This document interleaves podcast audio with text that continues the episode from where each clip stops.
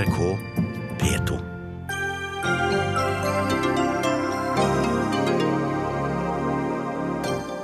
Arbeiderpartiet øker skattene, men kun for dem som tjener mer enn 600 000. Hva skjer med regnestykket når avgiftene inkluderes? Og hvorfor bruker finansministeren bruttotall når hun skryter av nye jobber, mens alle tidligere finansministre har brukt nettotall? Blir vi lurt av politikerne sin talltriksing? Og Den meksikanske presidenten har akkurat avlyst besøket til Det hvite hus. Donald Trump har krevd at Mexico sjøl skal betale for grensemuren. Samtidig varsler Kongressen at den vil sette av 15 milliarder dollar til bygginga.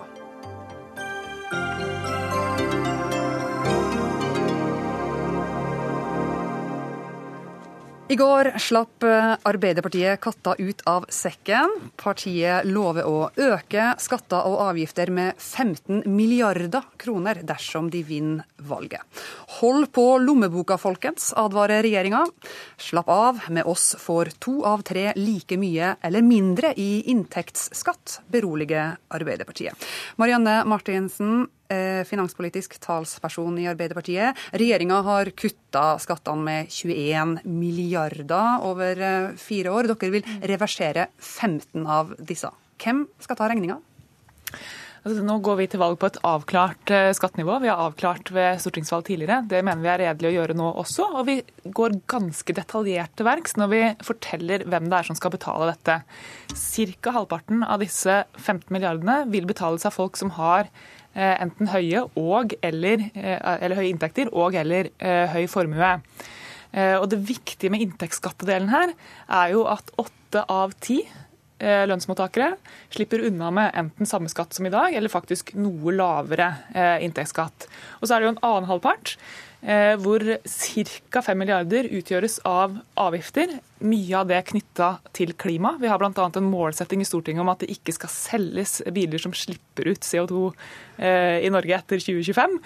Og Da må vi bruke avgiftene aktivt for å stimulere til det. Og så er det en bit som handler om å følge opp det skatteforliket som Stortinget, nesten alle partier på Stortinget har vedtatt hvor en sentral del av det handler om å tette skattehull, sørge for at også de multinasjonale selskapene bidrar med skatt til Norge.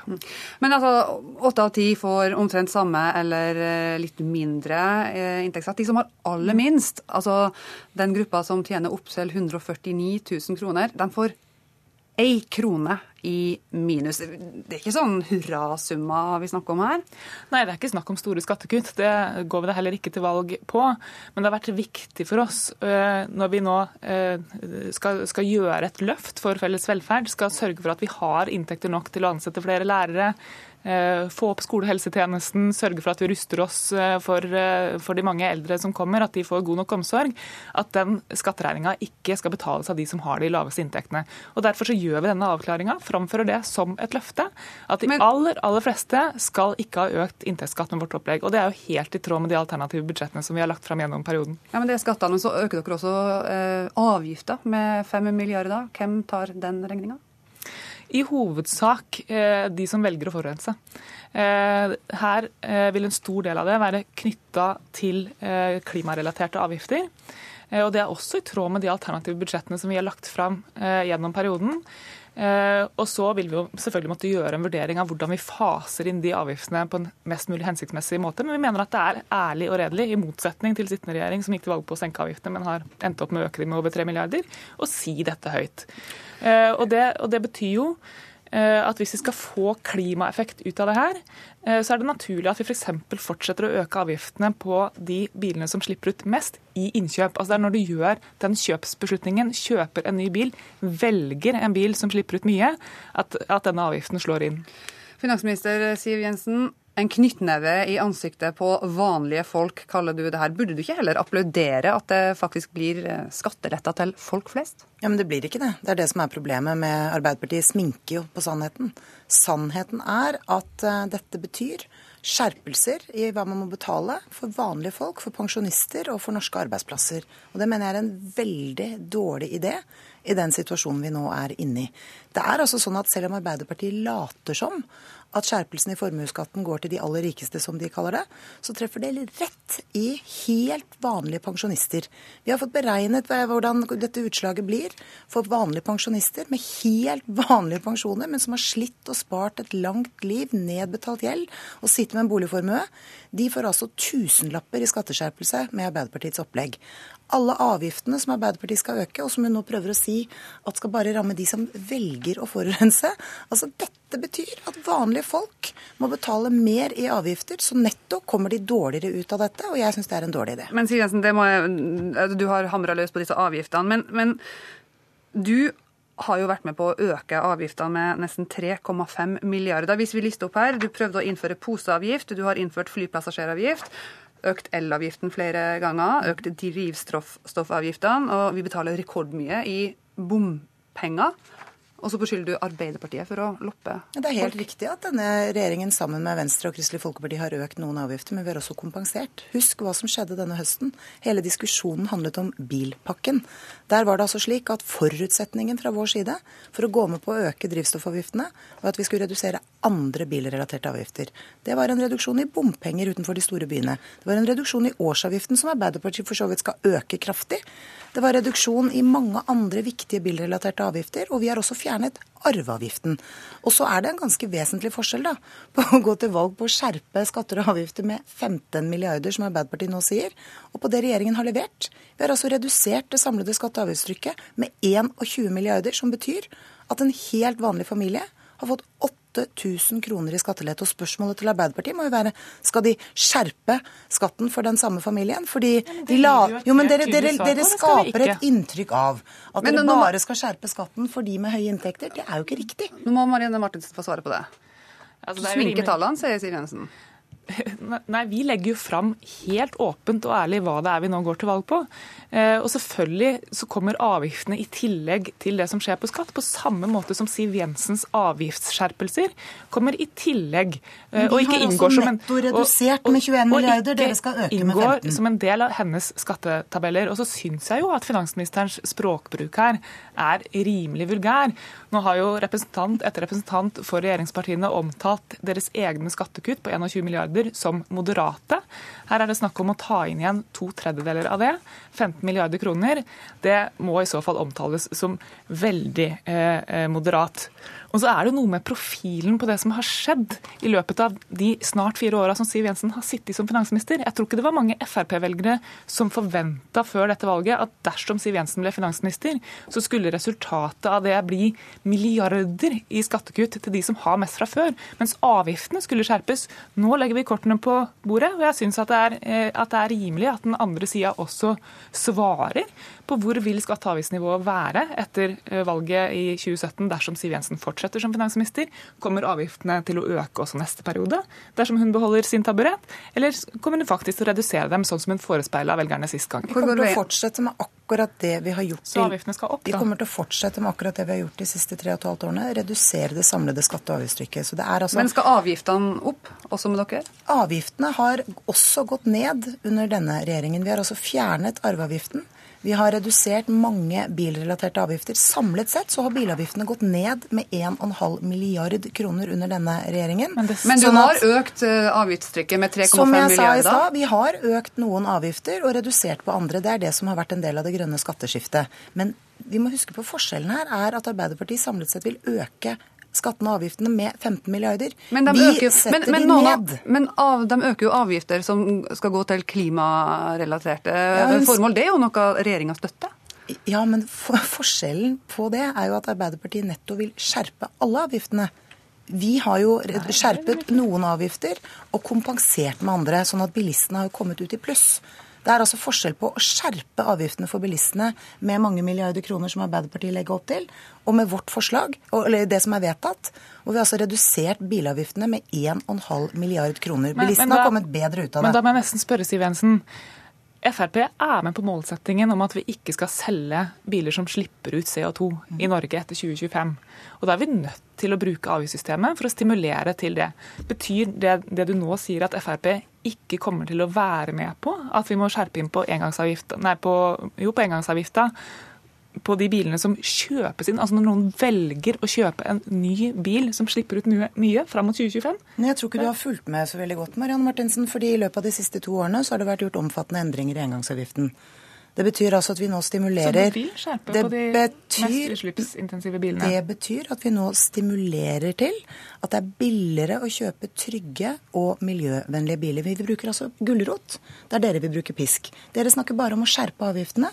Vi har lagt til rette for at det skal bli billigere å kjøpe både trygge og miljøvennlige biler. Og det er ganske Altså det er to helt forskjellige tilnærminger i synet på at jo, men... folk skal ha råd til å kjøpe seg disse bilene. Dere vil bare straffe dem. Nei, vet du hva, Dette var en omlegging som starta mens vi satt i regjering. Vi begynte å legge Nei, om engangsavgifta. Dere la til rette for mer dieselbiler, dere. Vi begynte med å legge om engangsavgifta, og nå har vi jo null avgifter på de, på de bilene som slipper ut uh, ingenting. Uh, så vi kan ikke gå ytterligere ned der. Men skal vi få til målsettinga som Stortinget står sammen om, så vil det måtte bety at vi bruker avgiftsregimet Men bare få lov å rydde opp i det. fordi at den målsettingen er vi altså i ferd med å nå. Det har altså aldri vært en høyere tempo i utskiftingen av den norske bilparken enn etter at vi la om engangsavgiften. Tallene er positive. Det betyr at vi nå selger mange flere null- og lavutslippsbiler enn vi har gjort noen gang. Og det har vi gjort ved hjelp av positive virkemidler. Ved hjelp av å premiere folk for at det skal bli billigere å kjøpe trygge og miljøvennlige biler. Vi har også skjerpa CO2-komponenten i engangsavgiften. Det er riktig, men vi har lettet på andre komponenter, sånn at det har blitt lønn, mer lønnsomt å kjøpe mer miljøvennlige biler. Jensen og Martinsen, dere skal være med oss videre i sendinga, men, men, eh, du sitter her og nikker og smiler litt, Erik Bruse, sjefanalytiker i Nordea. vi, vi må prøve å forstå her. Eh, det diskuteres om eh, skatter eller avgifter Eh, er de riktige, og i hvilken grad. Sånn generelt, hva går det an å si om de to virkemidlene? Eh, hvordan treffer dem?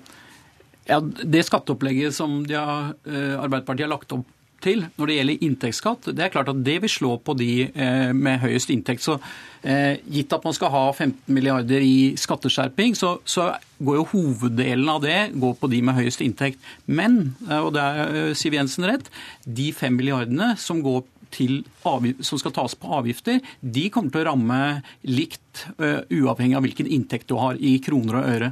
Uh, jeg vil tro at de tingene man skal øke avgiftene på, det er noe folk flest bruker sånn jevnt over like mye på. Og Det betyr at uh, har du lav inntekt, så må du betale like mye. og Det betyr igjen at andelen av inntekten din som du må bruke på å dekke de fem milliardene, den er høyere for de, for de lavinntektsgruppene. Så det å bruke avgifter, særlig på den type liksom, vanlige goder, da, det, det, er ikke spesielt sosialt. Eh, er, hvis man vil fordele eh, skatteøkningen på en mer sosial måte eller mot høyest inntektsgrupper, så er det bedre å bruke skattesystemet. Så når Siv Jensen kaller det en knyttneve i ansiktet på folk flest, så gir du henne delvis rett i det? Ja, det er delvis riktig, selv om jeg syns knyttneve er litt uh, hardt her. Vi snakker vel om et par tusen kroner i året per uh, husstand i Norge, sånn at knyttneve er kanskje å ta litt hardt i, men, men, men det, det, er helt klart at avgifter på den måten der, det slår, slår veldig rett ut på på, på, folk flest. Men er det veldig store forskjeller i avgiftsbelastninga? Det, innebærer dette store endringer? Nei, det, det, blir ikke store endringer. Det er det som er poenget her. at uh, Derfor det ikke er noen knyttneve. Uh, prisene i Norge stiger med 4% i året. Uh, kanskje vil de stige med et opp mot et halvt prosent mer med de, de, avgiftene her. Så det er relativt lite i den store sammenheng. Det, det, er ikke noe som dramatisk kommer til å endre folks hverdag. Vi, programleder, jeg må nesten få lov til å kommentere det. for Det hadde jo vært et viktig poeng hvis det var snakk om avgift på melk og brød. Eh, men det å kjøpe en ny, stor bil som har høye utslipp, det er ikke noe folk med veldig lav inntekt gjør. Men folk med veldig lav avgift eh, har kanskje ikke råd til å fornye bilen sin i det hele tatt? Å velge men, bort avgift. Bil, men, men bil er et uh, vanlig et gode i Norge som de aller fleste bruker penger på. Det gjelder, her skal det skje ting på tobakk, på, på forskjellige det, er, det er minimal økning på tobakk, men det meste ligger her på prøver altså Arbeiderpartiet å bortforklare Nei, dette. Sannheten er at det er veldig lett å rappe andres penger for å innfri dyre valgløfter. Vi må sette strek for Vi legger jo alle kort på bordet. Vi skal sette strek for eh, denne delen av sendinga. Martinsen og Jensen, dere blir med oss eh, videre. Vi sier takk til deg, eh, Erik Bruse. Dagsnytt 18 alle hverdager klokka 18. På NRK P2 og NRK2.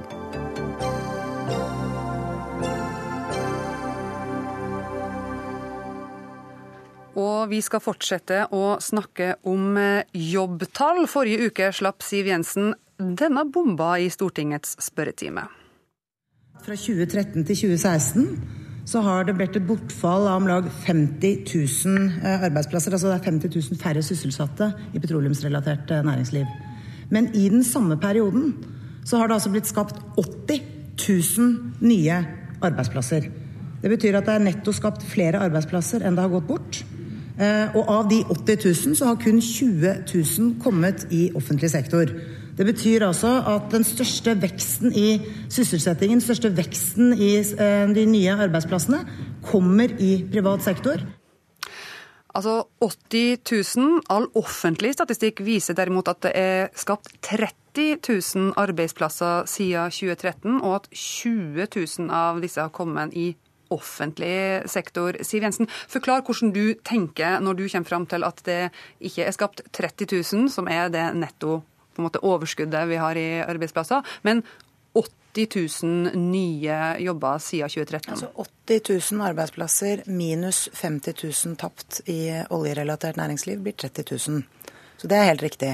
Men hvorfor, eh, tenk, hvorfor bruker du det tallet når og plutselig anvende bruttotall når eh, Fordi tidligere det... finansministre har operert med nettotallet? Nei, men Det er jo ikke riktig. Eh, det har vært eh, operert med bruttotall i mange sammenhenger gjennom årene. Og det er viktig fordi det synliggjør det synliggjør eh, hvordan underskogen, eller veksten i sysselsettingen, faktisk finner sted. Vi må huske på hva vi har vært utsatt for de siste årene. Vi har altså vært utsatt for det kraftigste oljeprissjokket på 30 år. Det har rammet oljerelatert næringsliv knallhardt. 50 000 arbeidsplasser har falt bort. Vi skal være så glad for at driftige menn og kvinner rundt omkring i landet har bidratt til at det har vært eh, jobbvekst, sysselsettingsvekst, som har kompensert for det. Men jeg har også vært veldig tydelig på at det er for tidlig å heise flagget. Det er fortsatt utfordringer på Sør- og Vestlandet. Vi har fortsatt for høy arbeidsledighet. Men det er tegn på at ting begynner å gå bedre. Og jeg syns at vi skal glede oss over det, i stedet for å fortsette med den svartmalingen som vi hele tiden hører fra Arbeiderpartiet. Uh, Marianne Martinsen, du rister på hodet når uh, du sier at dette er vanlig praksis. Og noen bruker nettotall, noen bruker bruttotall. Uh, er ikke det sant? Ja, det Siv Jensen selvfølgelig helt rett i, er at situasjonen ville vært veldig mye verre hvis ikke disse 50 000 hadde eh, funnet eller skapt andre jobber å gå til. Eh, men denne måten å regne på er spesiell. Skulle man ha regna på samme måte for den rød-grønne perioden, så, så, er det i hvert fall kilder som mener at da, da kunne vi ha skrytt av en jobbvekst på to millioner. Og det gir veldig lite mening. Men Siv Jensens som... poeng er vel bare å illustrere at det har vært skapt eh, mange jobber, og med de 50 000 som har falt bort innenfor oljenæringa, så må det jo være skapt 80 000 jobber for at man skal ende Absolutt. opp 30 000 i pluss? Alt, ja, alt ville vært mye verre hvis, hvis, ikke det hadde skjedd en viss omstilling, selvfølgelig. Eh, men nå er det jo sånn at det er ca. en halv million nordmenn som skifter jobb hvert eneste år, eh, ifølge tall som LO har, har presentert. Det, det at vi har jobbskifter, er ikke noe spesielt. Det som teller, som betyr noen ting for hvordan ledigheten utvikler seg, det er jo om vi har jobbvekst eller ikke. Og Der viser den offisielle statistikken at jobbveksten har vært på 30 000 siden 2013 og fram til 2016. 20 000 av de arbeidsplassene har kommet i offentlig sektor. Det har vært lav netto tilvekst av jobber i privat sektor. Men det som kanskje er mest påfallende, syns jeg, med tallbruken her, det er jo når vi begynner å se på når disse jobbene har kommet. For fra 2013 til 2014 så ble det skapt mer enn 30 000 jobber i Norge. Så siden 2014 så har det vært en netto nedgang. Og nå fikk vi nye tall fra SSB i dag som viser en ytterligere nedgang. Og det finansministeren... Men viser også en nedgang i arbeidsledigheten, ikke sant? Jo, men, men det har blitt færre sysselsatte. Så det betyr at det er flere som, flere som, har trukket seg helt ut av, men, av, arbeidsmarkedet. Det er færre som jobber. Det er færre jobber. Ledighets, ledighetstallene skal vi for øvrig diskutere ja, litt senere. Men, men Siv Jensen, du... Å bruke en jobbvekst som har skjedd fra 2013 til 2014, til å stå i 2017 og si at nå går det bedre, det er, altså det er ganske bekymringsfullt at en finansminister opererer på den måten. Og Jensen, du har vel ikke helt dine ord i behold da når du sier at det hele tida går i riktig retning? Jo, fordi mesteparten av bortfallet av eh, arbeidsplasser i olje- og gassrelatert industri har skjedd i 2015 og 2016. Det er da mesteparten av de 50 000 arbeidsplassene har gått ned. Eh, jobbveksten, sysselsettingsveksten i samme periode, har vært nesten like høy. Sånn at i sum så har det faktisk gått ganske bra, selv i de to verste årene for oljeindustrien. Og så har jeg sagt Det er for tidlig å heise flagget, men det kommer en del positive rapporter. Norges Banks regionale nettverk melder om positive, positive tegn og fremtidstro. Det samme gjør NHOs eh, barometer. Forbrukerne melder om optimisme. Vi ser veldig mange tegn til bedring. Jeg besøkte Rogaland i, eh, i forrige uke. Eh, nei, unnskyld, i, begynnelsen av denne uken. Var også på besøk på en bedrift som har hovedgeskjeften sin på norsk sokkel. Også de melder nå om at de ser litt lysere på fremtiden, til tross for det meget kraftige eh, inntektsfallet de har hatt de siste årene. Sånn at jeg syns vi skal glede oss over det. Og så skal vi fortsette å legge til rette for at det investeres mer i norske arbeidsplasser. Da må vi fortsette å redusere skattene, ikke øke de som Arbeiderpartiet foreslår. Vi må fortsette å investere i kunnskap, i forskning og utvikling, og ikke minst i infrastruktur. Mm. Men eh, vi, vi, gleder oss selvfølgelig alle over de lyspunktene som fins. Eh, eh, og det er ingenting som ville vært bedre om den jobbskapingsmaskinen som privat sektor skal være, hadde fungert bedre enn den gjør nå. Men med de tallene som vi fikk i dag, så ser vi at sysselsettingsandelen ikke har vært lavere i Norge siden 1995. Og Det som bekymrer meg, er jo at finansministeren prøver å lage et bilde av at nå har det snudd. Nå ser vi at alt går bedre, når tallmaterialet viser det motsatte. Hun la fram et statsbudsjett i høst hvor de tok sysselsettingspakka for Vestlandet ned i størrelse istedenfor å styrke den. Eh, så jeg er helt enig i at vi må fortsette å bruke politikken aktivt. Vi burde bruke eh, mer direkte stimulans mot de områdene som nå strever. Mer direkte stimulans overfor de næringene som nå strever, enn det finansministeren gjør. Men i stedet så står hun og forteller Stortinget at nå går det bra, basert på en jobbvekst som skjedde i 2013. Altså, det må jeg bare få lov å korrigere. Jeg har ikke sagt at det går bra. Det er altså direkte løgn, Marianne Martinsen. Jeg har sagt at vi ser lyspunkter, men at det er for tidlig å heise flagget. Men da må vi også glede oss over de positive tegnene vi får. Og vi får ikke minst masse positive tilbakemeldinger nå fra reiselivsnæringen, fra fiskeriindustrien, som har kraftig vekst men, både i eksport og sysselsetting, og det er veldig bra. Du sto i Stortinget og ga inntrykk av at nå skjer det en kraftig jobbvekst i privat sektor. Vi skal høre med, vi skal, vi skal høre med, med forskeren Knut Rød, seniorforsker ved uh, Frisksenteret. Det er uh, ulike tall som det opereres med her, brutto og netto. Hva er mest riktig? Jeg syns for så vidt alle disse tallene er ganske interessante. og Det er ikke noen av dem som er riktige eller gale. Det kommer an på hvilke spørsmål man ønsker å uh, besvare. Det som er viktig å være oppmerksom på her, er jo at det skapes og ødelegges jobber i Norge hele tiden. Omtrent hver tiende jobb forsvinner hvert år. Det skapes hele tiden nye jobber. Det er veldig stor sirkulasjon i arbeidsmarkedet. Så det målet vi vanligvis ser på når vi skal forsøke å finne ut hvor liksom bra det går i arbeidsmarkedet sånn totalt sett, det er jo sysselsettingsraten. Så hvor stor andel av befolkningen som til enhver tid er sysselsatt. Hvilke tall er det gjenspeiler den riktigst? Nei, den, den, viser jo en fallende tendens nå det siste, det siste året, og, og det er bekymringsfullt at sysselsettingsraten nå har falt og har gjort det over, over opp mot Eh, mot et år. Ikke mye, men den har falt. Men nå er det klart at dette skjer jo i en situasjon som, som har vært vanskelig, og hvor det har skjedd store sjokk i norsk økonomi med fallet i, i, eh, i spesielt oljerelatert virksomhet. Mm. Ja, men, men, når politikerne bruker så vidt forskjellige tall, da, det høres unektelig mye mer ut med 80 000 enn 30 000. Mm, hvem skal vi velge å høre på? Nei, du, Det får man holdt på å si bestemme selv hvem man ønsker å høre på. For det er klart at det skapes masse jobber, det er ikke tvil om at det er sant. Det ødelegges masse jobber, det er ikke tvil om at det er sant. Og det som kanskje slår ut til syvende og sist, da, det er, hva som er eh, hva, hvor mange som i det lange løp faktisk er sysselsatt. Eh, og, og hvilken sysselsettingsandel vi har. Men det som jeg kanskje Eh, vil advare spesielt mot her, det er dette litt sånn enøyde fokuset på om arbeidsplasser skapes i offentlig eller privat sektor. Mm. For det er faktisk egentlig ganske uinteressant spørsmål. Det som kan være viktig, det er jo om arbeidsplasser skapes for å få offentlig regning eller ikke. Altså om de koster penger, eller om de bidrar til å finansiere offentlige budsjetter. Men det er ikke det man svarer på når man sammenligner privat og offentlig sektor. Så f.eks. har et, eh, et sykehjem som drives kommunalt, et som drives privat. Begge betales av offentlig sektor. ene er liksom privat sektor, det andre er offentlig sektor. Så det er all grunn til å advare mot en sånn telling av offentlig og privat sektor-ansatte. Underordnet. Denne debatten er garantert ikke over, men i denne omgang takker vi finansminister Siv Jensen og Mariann Martinsen. Knut Rød, du blir med oss videre.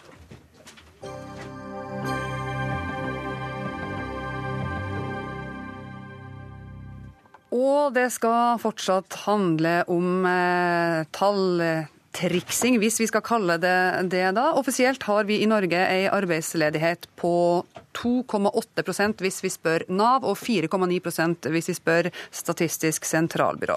Men ifølge TV 2 kan den reelle ledigheten være hele 7,8% Blant annet så tas ikke halvparten av de som går på arbeidsavklaringspenger med i statistikken, og dermed ser det ut som det går egentlig mye bedre i Norge enn det det kanskje egentlig gjør. Tatjana Strømme, du er arbeidssøker. Du prøver å starte din egen bedrift, og mottar derfor noe som kalles egenetablererpenger. Men det er i realiteten dagpenger? Det er korrekt. Mm. Det vil si at det er beregnet ut fra dagpenger, og vil ta slutt samtidig som dagpengene ville ha tatt slutt. Så det er jo dagpenger i realiteten. Så du anser deg som arbeidsledig arbeidssøker? Eh, det er korrekt. Jeg anser meg selv som både arbeidsledig og arbeidssøker. Men eh, på Nav så er jeg arbeidssøker med rett til de dagpengene som jeg mottar nå. Og som regnet som etablerer eh, kost... Ja. Mm. Jo, hva tenker du da? Hvordan reagerer du på at du, sammen med 211 nordmenn som går på den samme ordninga, ikke teller med i statistikken? Eh, det er å gjøre oss usynlige, egentlig. Fordi vi vet jo ikke hvordan det går med bedriften. Og når eh, dagpengene tar slutt, f.eks., så vet vi ikke hva vi skal gjøre videre. Så her blir det litt å gjemme oss litt, gjøre oss usynlige. Og hvis gruppen blir større etter hvert, så blir det flere mennesker som rammet av såkalt løgn. Mm. Takk skal du ha for at du var med oss. Stefan Heggelund, tidligere arbeidsminister Robert Eriksson han innrømte overfor TV 2 at man har valgt å føre statistikken på denne måten, og den er både upresis og unøyaktig. Han kaller det sminking av tall. Er du enig? Nei, det er jeg ikke enig i. Statistikken er riktig sånn som den føres. Det statistikken forteller oss, er hvor mange som er registrert som ledige, og så forteller den oss hvor mange som er på ulike trygdeordninger. Men hva slags mening det... gir det i at de som f.eks. går på arbe arbeidsavklaringspenger, ikke er med? Jeg, Er bare... Fordi alle på arbeidsavklaringspenger er heller ikke arbeidssøkere. Mange som er på arbeidsavklaringspenger, kommer også til å bli uføretrygdede, og eh, det er en uføretrygd de fortjener fordi de har de mangler full arbeidsevne. Men så er problemet, og dette er en debatt som Høyre har reist i mange, mange år, som vi gikk til valg på å gjøre noe med, og som vi gjør noe med nå i regjering. Og det er å gjøre noe med det utenforskapet som vi ser i Norge. Den usynliggjøringen som Tatjana helt riktig snakker om. Det er et problem. Hvordan har vi kommet dit at eh, vi har et så stort utenforskap i Norge som vi nesten ikke snakker om? Altså, det er snakk om ca. 650 000 mennesker som er helt eller delvis utenfor arbeidslivet i Norge. Dit har vi kommet fordi vi har vært veldig flinke til å bruke én del av trygdesystemet, nemlig de helserelaterte trygdene. Men det er ikke alle som passer inn der. Og når man allikevel blir skjøvet inn på helserelaterte trygder, selv om man skulle fått en annen type oppfølging, ja, så kan man også risikere å bli skjøvet lenger unna arbeidslivet. Kirsti Bergstø, stortingsrepresentant for eh, SV. Vi tar tak i det siste her. At eh, en stor andel som f.eks. er på helse, helserelaterte ordninger, ikke havner eh, i statistikken. Er det riktig? Altså, skal det være sånn? Hvis man mottar dagpenger, så skal man jo kunne i teorien flytte eh, hvor som helst og ta hvilken jobb som helst. Hvis du er syk, så kan du ikke det. Men det er helt riktig at Høyre har gjort noe med utenforskapet. Man har gjort det større. Man har skjøvet flere ut.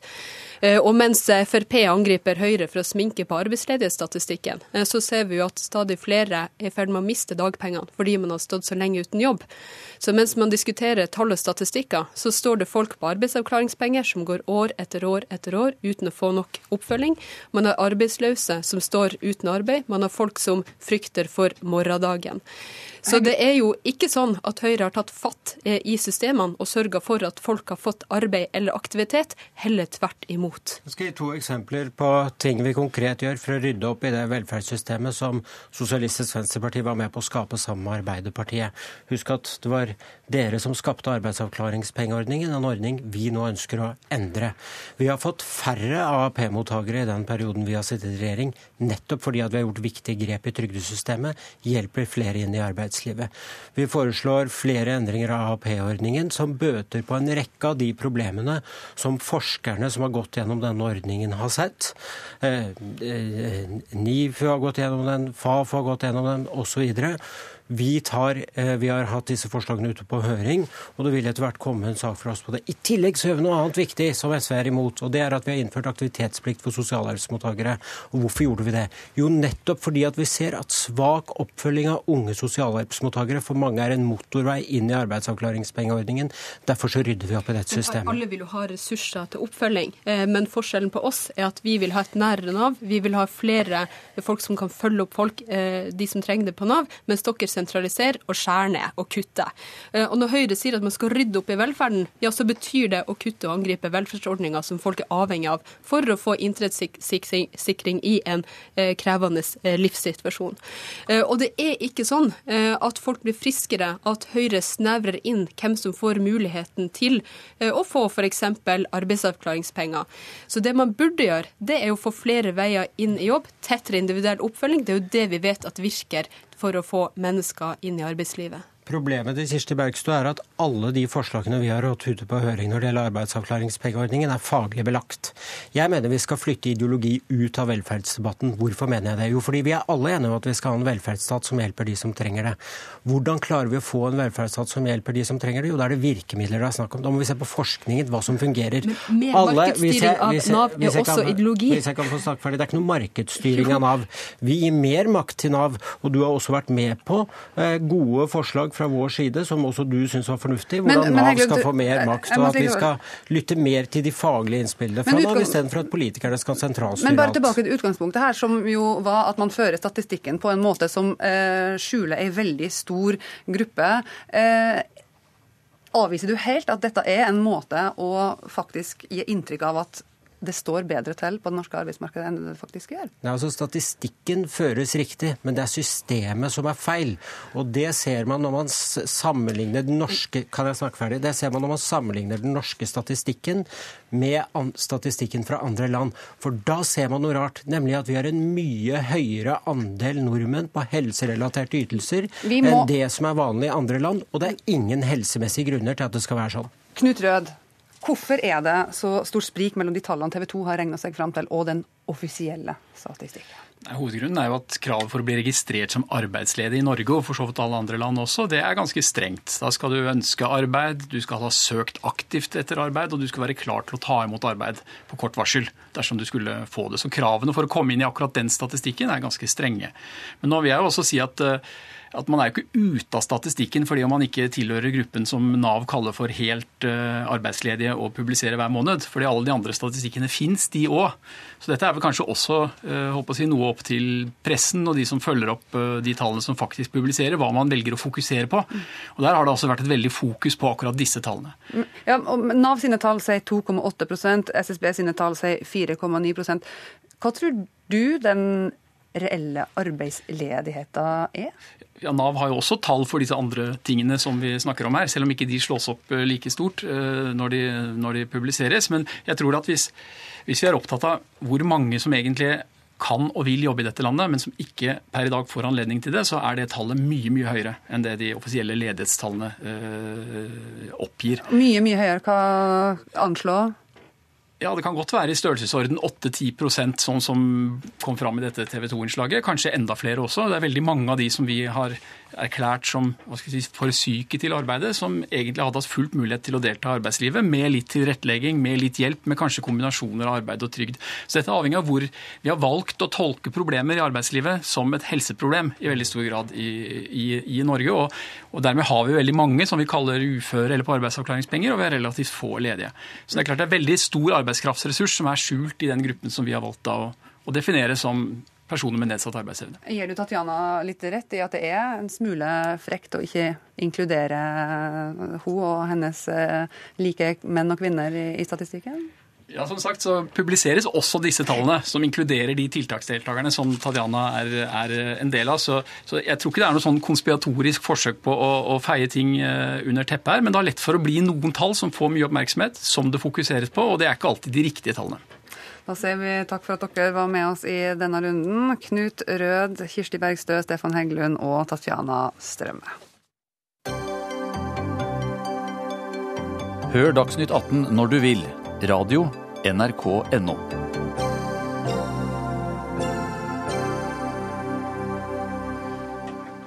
Vi skal til eh, USA. President Donald Trump signerte i går ordren om bygging av den omstridte grensemuren mot Mexico. Ifølge presidenten er hensikten å stanse illegal innvandring til USA. Det finnes allerede 100 mil med mur mellom de to landene. Nå starter bygginga av 200 mil til. USA-korrespondent Gro Holm, du er med oss eh, fra Washington. Hvordan er reaksjonene i Mexico på at Trump nå iverksetter bygginga av muren? Veldig negative. Det siste er jo at Mexicos president Peña Nieto har avlyst et planlagt møte med president Trump her i Washington DC neste tirsdag. Eh, og det skjedde jo for øvrig etter at eh, Trump hadde tvitret at det var kanskje like greit at han ikke kom, dersom han ikke var villig til å betale for muren. Så her er det nervekrig på høyt nivå, og det er selvfølgelig også mange her som reagerer på den tøffe tonen, fordi eh, Mexico er USAs nest viktigste eksportmarked. Og det importeres mye fra Mexico, og man frykter altså en, en handelskrig og, og en for, et forverring i forholdet mellom de to landene eh, her i USA. Og så har det vært mye fram og tilbake om finansieringa. Sånn, vi snakker om en eh, drøyt ti meter høy mul på over 200 mil. Hva, hva er den anslått å skulle koste? Ja, De siste anslagene nå, som kom i dag fra eh, republikanernes senatsleder Mitch McConnell, er et sted mellom 12 og 15 milliarder dollar. Dvs. Si et sted mellom 90 og 124 eller 125 milliarder norske kroner. Og dette er dobbelte av eh, det beløpet som hvert år går til eh, myndighetene som håndhever landets tollregler og, og, og passer på grensa. Så det er, det er mye penger også for USA. Og Hvordan mener Trump at den da skal finansieres? Ja, Der er han eh, helt uklar. Han har ikke noe svar på det. Han, eh, og det, det, spekuleres nå i at han vil forsøke å holde tilbake overføringer som gjøres av meksikanere som bor her i USA, tilbake til hjemlandet, altså via, via, kommersielle banker til venner og familie, for å hjelpe dem. Og at han vil forsøke da å, å holde tilbake penger. Og det er jo ikke lov ifølge dagens lovgivning, så da må det nye lover til. Og dette er ting som mange, også republikanere i Kongressen, Kongressen er veldig kritiske til for å blande seg inn i folks private pengeovertransaksjoner. Det, det er noe man nødig gjør her. Han har ikke noe godt svar på det. Mm. Eh, til slutt, eh, Gro. Eh, altså, eh, hensikten er å stanse illegal innvandring til USA, ifølge Trump. Hvor stor er den? Ja, Den illegale innvandringen tar egentlig to former. Det ene er folk som kommer inn i landet, eh, ofte med hjelp av fly, og oversitter de visumene som de har. Det dreier seg I 2015 var det 527 000 mennesker. Og så er det de som krysser grensa ulovlig. Det er litt flere. 674 eh, 000 var det i 2015. Altså vi snakker om 1,2 eh, millioner mennesker i året. Men så skal det også sies at antall ulovlige innvandrere ikke har økt siden 2009, fordi mange også reiser tilbake. Så det har ligget stabilt på litt over 11 eh, millioner eh, mennesker. Og innvandringen fra Mexico, eh, ja, den har gått ned, faktisk. Mange meksikanere har reist tilbake etter finanskrisa her i USA. Mur skal vi holde oss til. Anne Hege Simonsen, du er førsteamanuensis ved Høgskolen i Oslo og Akershus og forfatter av bl.a. Mur, delt landskap i Israel og Palestina. La oss se litt historisk på det. Etter Berlinmurens fall i 89 så var det mange som tenkte en epoke over, flere murer vil falle.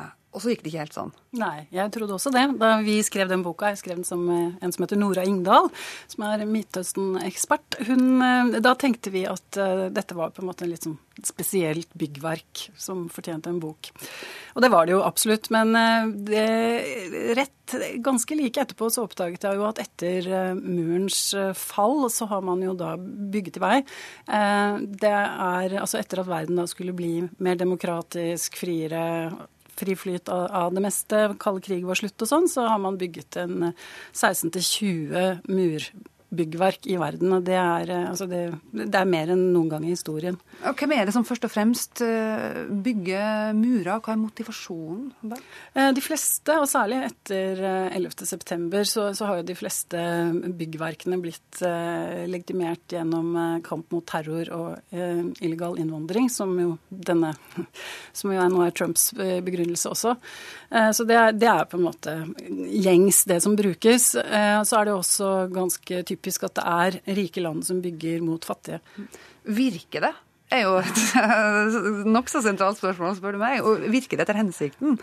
Ja, nei, det er jo på en måte Det er klart, det har jo en effekt, for all del. Eh, eh, men, det er, men hva den effekten er, om den løser det problemet som de som bygger egentlig ser for seg at den skal løse, det er vel mer tvilsomt.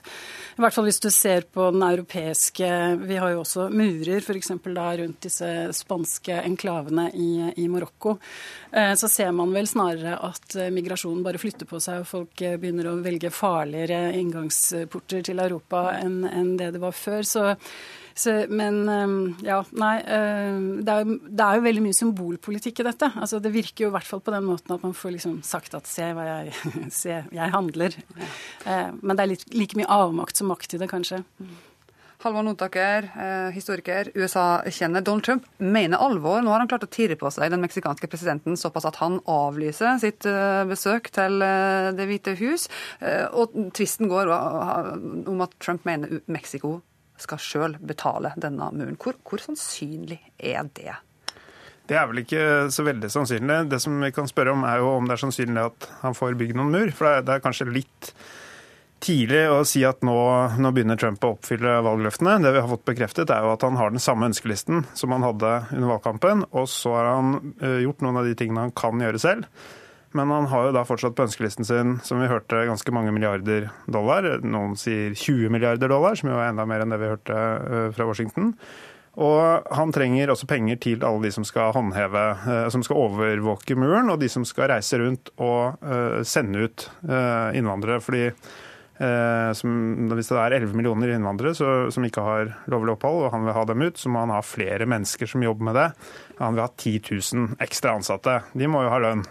Og men, de, de, pengene kan ikke han bevilge. Nei, nei, men, men så, det, altså, det, så, det, er ikke så enkelt som at nå iverksettes det. Hva, hva skorter det på i første omgang, da? Eh, det er penger. For det, det, er ikke han som bevilger pengene, det må Kongressen gjøre. Og det republikanske partiet har jo markert seg siden eh, Obama ble valgt med en voldsom motstand mot å øke budsjetter og mot å øke låneopptaket til USA. Og Hvis han da kommer og sier jeg vil ha 15 000, for det er da det totale tallet nye ansatte han vil ha i utlendingsmyndighetene, 15 eh, 000 nye ansatte og en mur da kan han ikke få penger til så mye annet, kanskje. F.eks. veier og flyplasser og havner og mye annet han men, ønsker seg. Så det, det er, han, han, er i litt feil parti eh, til å ville ha så mye penger. Men han håper sikkert å tjene litt på å få bygd opp denne eh, muren og stansa den illegale innvandringa. Nå har riktignok, eh, som vi hører fra Washington, den gått ned fra Mexico. Men, men hva kan han tjene på en sånn mur på sikt? Det han, eh, på sikt vet jeg det han selvfølgelig eh, vil nå, er jo å bekrefte at dette skal skje, og at dette ikke var et luftslott.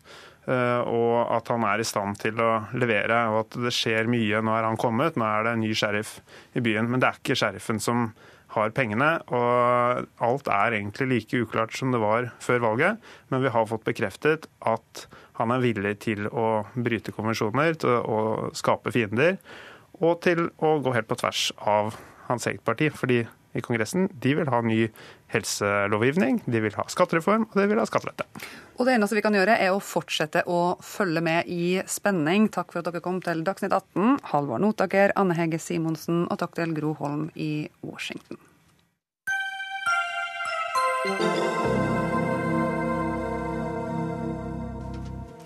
En eh, er det greit for en avis å ha en eh, folkevalgt som eh, journalist og kommentator? PR-rådgiver og tidligere journalist Jarle Aabø mener klart nei, og har klaga Bergens Tidende inn for pressens faglige utvalg. En av eh, BTs kommentatorer er fortsatt andre vararepresentant på Stortinget for Venstre, selv om han har meldt seg ut av partiet. Jarle Aabø, PR-rådgiver. Tidligere journalist, hvorfor mener du dette er så problematisk for Bergenstidene? Eh, dette har sitt utspring i eh, Vær varsom-plakaten.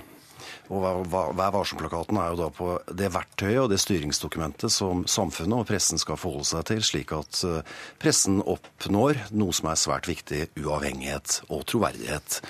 Og da heter det da i denne plakaten, og der skal jeg lese selv om det er kjedelig radio Redaktører og journalister skal unngå dobbeltroller, verv, oppdrag ellers bindinger som kan skape interessekonflikter eller føre til spekulasjoner om inhabilitet. Og jeg mener at når Bergens Tidende har ansatt en politiker i sin redaksjon, så åpner det for spekulasjoner, og det åpner for tanken om at her er det noe som ikke stemmer, for han har jo et politisk verv, og det igjen rammer pressens troverdighet, og det tror jeg ikke pressen bør drive med. Men da avisen ga jobben til kommentatoren, Mathias Fischer heter han, meldte han seg ut av partiet og fikk permisjon fra bystyret. Er ikke det en nokså tydelig avstandstagen? Eh, denne personen han er politiker, for han har eh, et verv som er å være vararepresentant til Stortinget.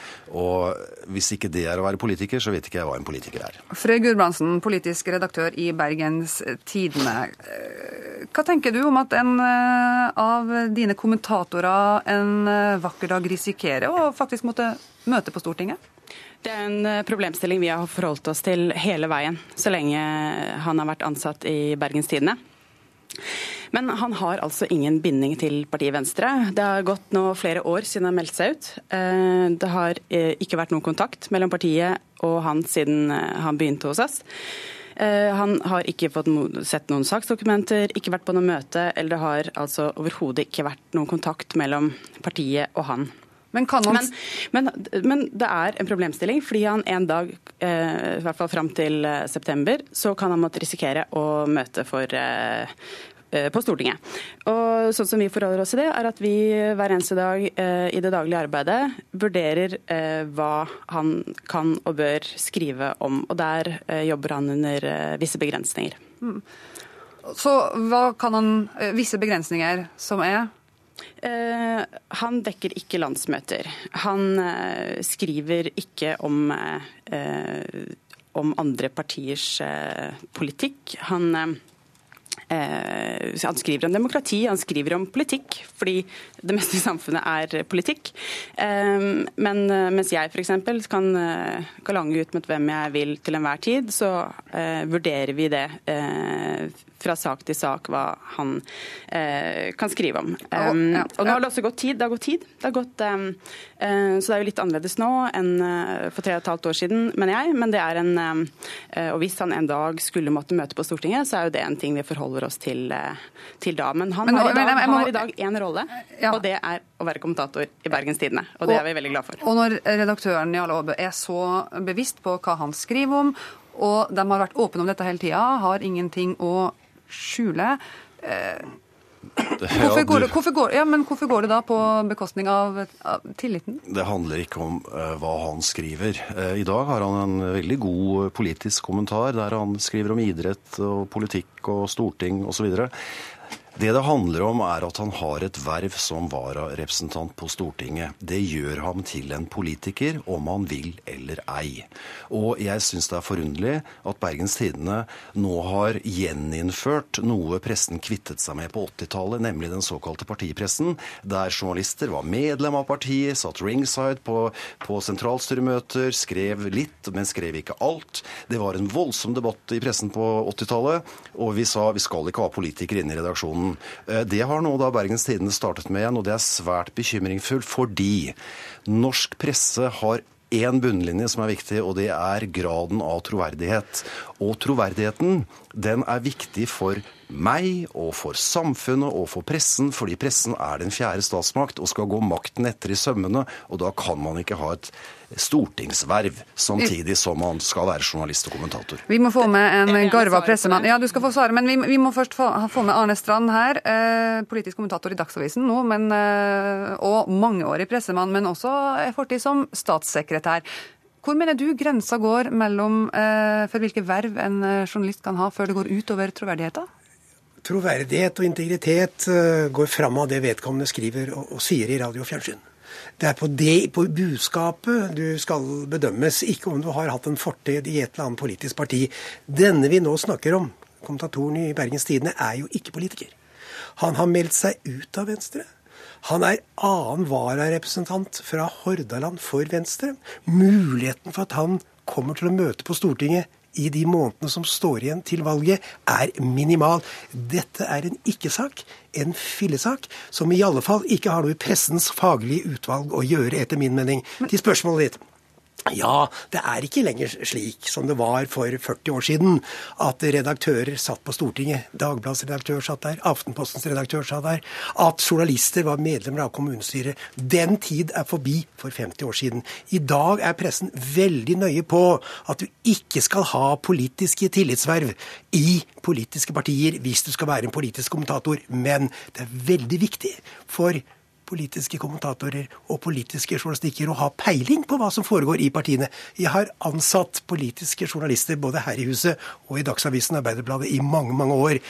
Og når det kom noen til meg som på CV-en sin hadde bakgrunn i en ungdomsorganisasjon, i en ideell organisasjon eller politisk parti, så var det et pluss fordi det viste at vedkommende hadde peiling på hva som foregikk i politikken. Og det viste et engasjement som vi trenger i journalistikken.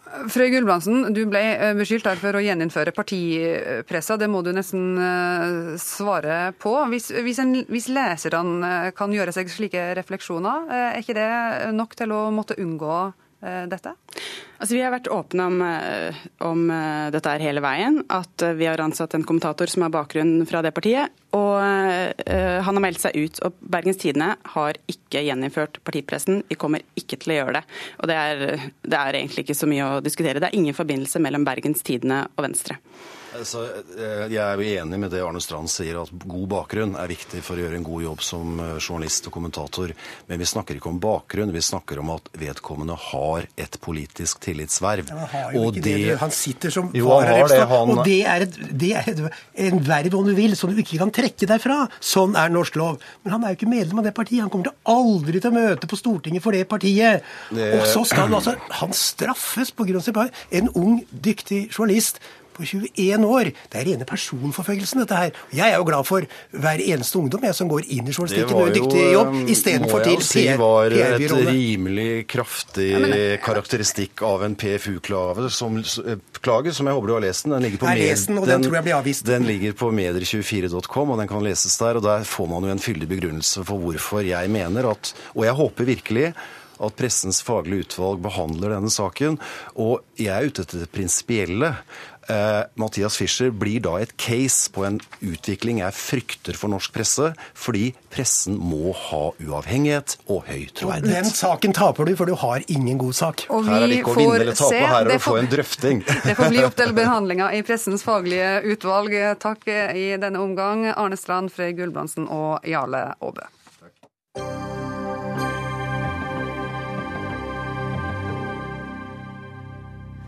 Den europeiske menneskerettighetsdomstolen, EMD, noter forkortelsen bak øret, har blitt for politisk og kan miste troverdigheten. Den blander seg for mye i nasjonale saker og har blitt nærmest aktivistisk, særlig innenfor innvandringsfeltet. Denne debatten går i Danmark, som snart overtar formannskapet i Europarådet. Og den bør vi også ta her i Norge. Det mener du, Nina Hjelpseth Østli, skribent og redaktør i Human Rights Service. I en kronikk i eh, tidsskriftet Minerva etterlyser du en debatt om EMDs rolle her i Norge. Hvorfor mener du det er så viktig å ta den? Så dette handler om et eh, overordnet større problem, om rettsliggjøring av det som egentlig er politiske spørsmål, og således løfte de eh, utenfor demokratisk kontroll og debatt. Eh, EMD er en ganske stor del av det, og det er jo det debatten nå går på i Danmark. Ja, hva er det EMD, vær litt mer konkret, hva er det kritikken går på? Eh, kritikken går på at de tiltar seg for mye makt og blander seg for mye inn i det som er politiske spørsmål. Eh, og således fjerner makt fra folkevalgte parlamenter. Eh, det er det nå flere jusprofessorer i Danmark har kritisert domstolen for. Og Hvilke områder dreier det seg om? Spesielt er det på innvandringspolitikk. Nå bruker de spesielt som eksempel eh, at det er blitt tilnærmet umulig å utvise kriminelle utlendinger fra forskjellige land. Men det er flere ting. De blandet seg bl.a. opp i familiesammenføringsreglene til Danmark. Og det var vel kanskje noe av det som sparket i gang debatten der. Adele Madsson Mestad, du er nestleder i Norges nasjonale institusjon for menneskerettigheter. Vi får uh, si hele navnet. Det er nylig oppnevnt av Stortinget. Har som oppgave å beskytte menneskerettighetene i tråd med Grunnloven. Når du hører den kritikken som er på trappen, iallfall for enkelte medlemsland mot uh, uh, Menneskerettighetsdomstolen, er det grunn til bekymring? Nei, altså Utgangspunktet er at man alltid må ønske velkommen denne type diskusjoner om forholdet mellom eh, juss og politikk. Det er veldig sunt i et, eh, enhver liberal eh, rettsstat. Og dette er jo heller ingen ny debatt. Dette er jo en debatt som pågår løpende både i de enkelte medlemsstatene og eh, i Menneskerettighetsdomstolen selv. Jeg vil gjerne besvare det litt mer generelt, fordi noen, det er noen viktige utgangspunkter her. og det er jo at Menneskerettighetene de er noen de utgjør noen absolutte skranker for hva politikerne til enhver tid kan foreta seg. Eh, og det følger jo av at man etter andre verdenskrig lærte at eh, demokrati ikke utgjør noen eh, god beskyttelse nødvendigvis mot flertallstyrannier, og at man trengte å ha noen absolutte rettigheter som lå fast uansett. Og så er det viktig å si at, og det har jo politikerne i Norge og i alle andre medlemsstater i Europa gått inn i med åpne øyne og valgt, nettopp fordi de mener at det er viktig at noen skranker ligger fast til enhver tid. Så at man skal ha disse rettighetene, det tror jeg de aller fleste vil være enige om. Men så kommer det spørsmålet som Østli reiser, og det er har Menneskerettighetsdomstolen i enkelte tilfeller gått for langt i å, å tolke disse konvensjonsbeskyttede rettighetene? Eh, og Det er også en eh, kjent debatt. og Nå reises den som følge av at som du nevnte, at eh, danskene har overtatt formannskapet i Europarådet. og De har da varslet at de vil se nærmere på måten domstolen tolker rettighetene på. Men jeg tror ikke egentlig at det er noe sånn veldig dramatisk i den debatten som foregår i Danmark. Den har vi hatt i Norge ved mange anledninger, senest i forbindelse med grunnlovsrevisjonen, hvor man nettopp tok en politisk diskusjon. Ønsker vi å ha denne type rettigheter som begrenser politisk handlingsrom? Svaret på det var ja, og man tok en hel rekke menneskerettigheter inn i Grunnloven som tilsvarer egentlig det vernet man har ja. internasjonalt. Jeg må bare ja. få meg Gjertsted Østli. Da spør jeg, hva er det eh, du Eh, frykte, hvis du ser ut fra et norsk perspektiv? da? Eh, problemet her er så sagt rettsliggjøringen av det som er en politisk eh, debatt. Det er jo ingen som i utgangspunktet har noe imot menneskerettigheter, men menneskerettigheter blir det som kalles dynamisk tolket. Slik at altså, tolkningsrommet er så stort for de som går for disse tingene, at de kan bruke de til, som de jo har gjort, å blande seg inn i nasjonal lovgivning. Mm. Og når vi tar det inn i Grunnloven, så kan det til dels begrense de folkevalgtes eh, mulighet i overkant. Det er klart det er sunt, som eh, Adele sier, at vi har en debatt om disse tingene, men den er nok ikke så alminnelig tilgjengelig som den burde være. Nei, og, men, og En del av måtte, grunnlaget for kritikken er at menneskerettighetskonvensjonen som domstolen baserer seg på, er såpass rundt hvitt formulert at det er et veldig stort handlingsrom. Er det ikke da en sånn risiko for at eh, domstolen, for å si det litt folkelig, kan ta seg litt til rette? Jo, det vil jo alltid være en risiko for, men jeg tenker at når man diskuterer det, så må man spørre er kritikken eh, representativ. Fordi det ligger litt i sakens natur at de enkelte medlemsstatene vil veldig ofte være kritiske når de får på pukkelen fra Menneskerettighetsdomstolen. Og det, jo, og det man har sett da i nyere forskningsrapporter, er at disse diskusjonene som popper opp med gjennom mellomrom, det knytter seg til enkeltdommer som er kontroversielle innenfor den, enkelte medlemsstat. Men det er sjelden de samme dommene som skaper kontroverser internasjonalt. Det som er de store utfordringene for Menneskerettighetsdomstolen, er egentlig fire ting. Det ene er hvordan Menneskerettighetsdomstolen kan fokusere på prinsipielle og systemiske utfordringer på en bedre måte enn de gjør i dag. Det andre er hvordan de kan forholde seg til en sånn ganske stor backlog som de har. De har for mange saker, og de må være enda mer fokusert i sin tilnærming. Det tror jeg alle er enige om. Og det tredje er hvordan man kan sikre en god nok kvalitet i domstolens avgjørelser. Altså at man får gode nok dommer. Og det fjerde er eh, nettopp dette som eh, Østli er litt inne på, er hvordan domstolen fortolker rettighetene. Men, men, men, eh, men, det er viktig å si at, at, essensen her er jo at ja, vi har et menneskerettighetsvern som innsnevrer politisk handlingsrom. Det er en politisk beslutning. ikke sant? Så det er ikke noe nytt i det i det hele tatt. Men det som er nytt fra Østli her, knytter seg til innvandringsfeltet, og det er litt viktig å si noe om. Men, det rekker vi ikke å si Nei, noe om i dag. Men det er i hvert fall, der er i hvert fall debatten så smått starta her i Dagsnytt 18 så kanskje du får det som du vil, at den fortsetter etter dette. Takk skal dere ha, Adele Madsen Mestad og Nina Gjertseth Østli. Ansvarlig for denne sendinga, Fredrik Lauritzen. Teknisk ansvarlig, Lisbeth Sellereite. I studio, Ingrid Stenvold. Hør flere podkaster på nrk.no podkast.